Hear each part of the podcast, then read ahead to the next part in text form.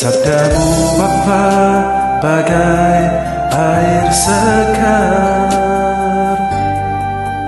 Membasahi menyuburkan bumi. Menggugah jiwa Segarkan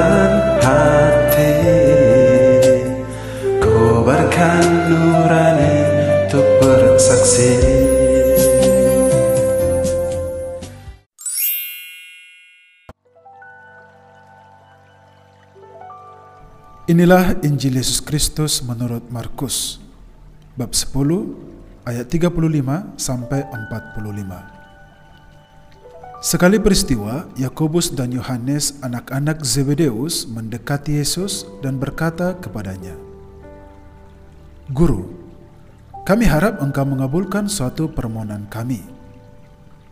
Jawab Yesus kepada mereka, "Apa yang kamu kehendaki kuperbuat bagimu?" Mereka menjawab, Perkenankanlah kami ini duduk dalam kemuliaanmu kelak, seorang di sebelah kananmu dan seorang lagi di sebelah kirimu. Tetapi kata Yesus kepada mereka, Kamu tidak tahu apa yang kamu minta. Sanggupkah kamu meminum cawan yang harus kuminum dan dibaptis dengan baptisan yang harus kuterima? Jawab mereka, kami sanggup. Yesus lalu berkata kepada mereka, Memang kamu harus meminum cawan yang harus kuminum dan akan dibaptis dengan baptisan yang harus kuterima. Tetapi hal duduk di sebelah kanan atau kiriku, aku tidak berhak memberikannya. Itu akan diberikan kepada orang-orang yang baginya telah disediakan. Mendengar itu, kesepuluh murid yang lain menjadi marah kepada Yakobus dan Yohanes. Tetapi Yesus memanggil murid-muridnya lalu berkata, Kamu tahu bahwa orang-orang yang disebut pemerintah bangsa-bangsa memerintah rakyatnya dengan tangan besi dan pembesar-pembesarnya menjalankan kuasanya dengan keras atas mereka. Tetapi janganlah demikian di antara kamu. Barang siapa ingin menjadi besar di antara kamu, hendaklah ia menjadi pelayanmu. Dan barang siapa ingin menjadi yang terkemuka di antara kamu, hendaklah ia menjadi hamba untuk semuanya. Sebab anak manusia pun datang bukan untuk dilayani, melainkan untuk melayani dan untuk memberikan nyawanya sebagai tebusan bagi banyak orang. Demikianlah sabda Tuhan. Terpujilah Kristus.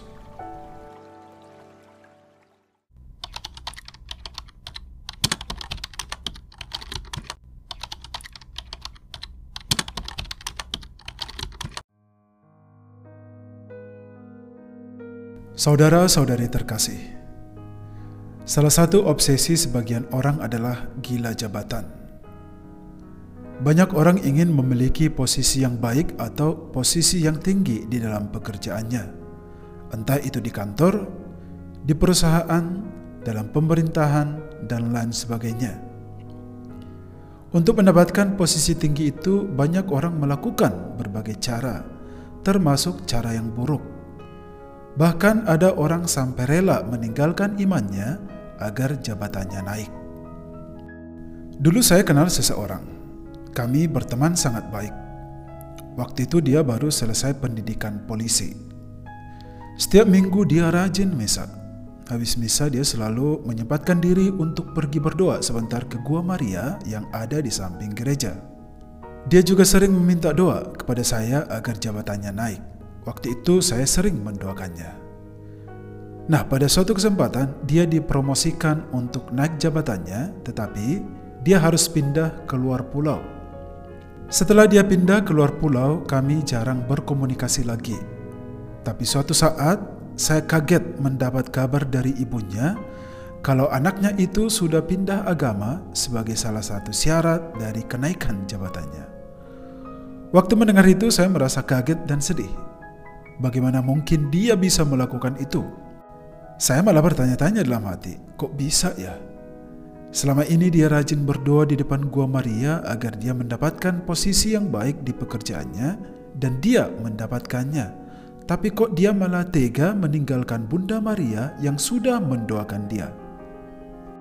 Saudara-saudari terkasih, Dalam bacaan Injil yang saya bacakan tadi, kita mendengarkan kisah dua murid Yesus meminta posisi yang tinggi di dalam kerajaan Yesus.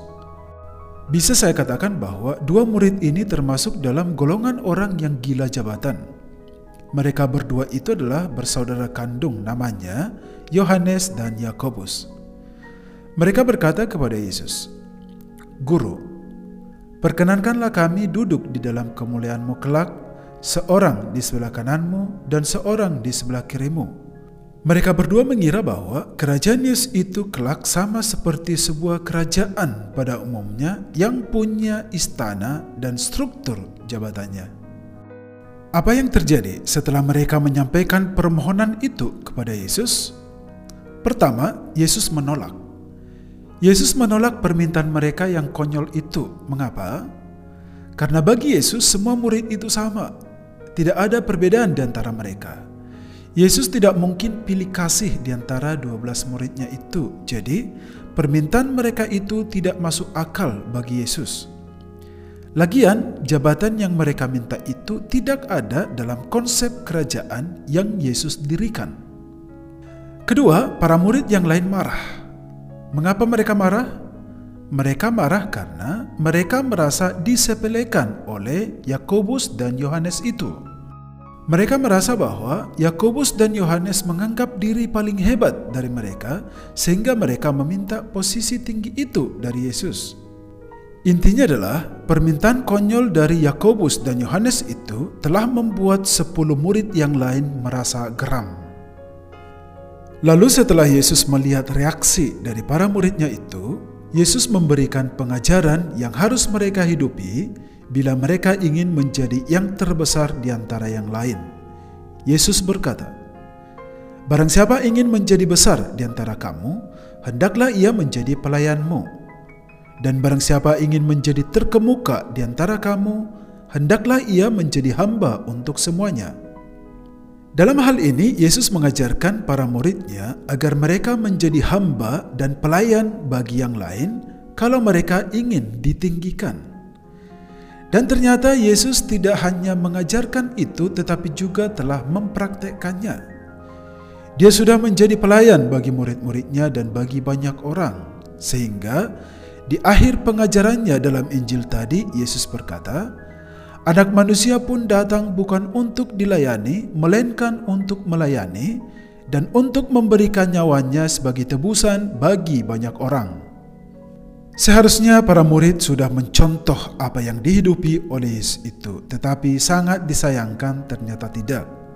Para murid Yesus belum memahami dengan benar apa yang Yesus mau dari mereka. Saudara-saudari terkasih, pengajaran Yesus ini menjadi refleksi mendalam bagi kita saat ini. Ternyata kita bisa menjadi besar di hadapan Allah hanya kalau kita mau menjadi pelayan bagi sesama kita. Kita bisa menjadi terkemuka di antara sama kita hanya kalau kita mau menjadi hamba bagi mereka. Dan yang paling penting dari semuanya itu adalah kita akan berada di dalam kerajaan Allah kelak hanya kalau kita mau meneladani sikap Yesus yang mau memberikan nyawanya kepada kita tanpa pamrih. Pengajaran Yesus ini sangat penting untuk kita renungkan bersama dan berusaha untuk menghidupinya dalam hidup sehari-hari. Maka marilah kita berusaha menjadi pelayan dan menjadi hamba bagi sama kita lewat jabatan, posisi, peran, atau pekerjaan yang kita miliki, agar suatu saat kita ditinggikan oleh Allah di dalam kerajaannya. Mari kita melayani sama kita dengan tulus hati tanpa mengharapkan imbalan dan gila hormat. Jangan kita tiru sikap orang lain yang suka pamer pelayanan, mereka melayani, tapi niat hanya untuk dilihat orang dan untuk dipuji. Mereka melayani, tapi ingin mendapatkan penghormatan dari yang dilayaninya. Itu sama saja dengan kemunafikan. Yang benar adalah, mari kita teladani Yesus yang sudah menjadi pelayan bagi kita semua. Yesus sudah melayani kita selama ini, dan waktunya lah kita juga harus melayani Yesus lewat orang-orang yang ada di sekitar kita melayani tanpa pamrih atau melayani tanpa gila hormat. Amin.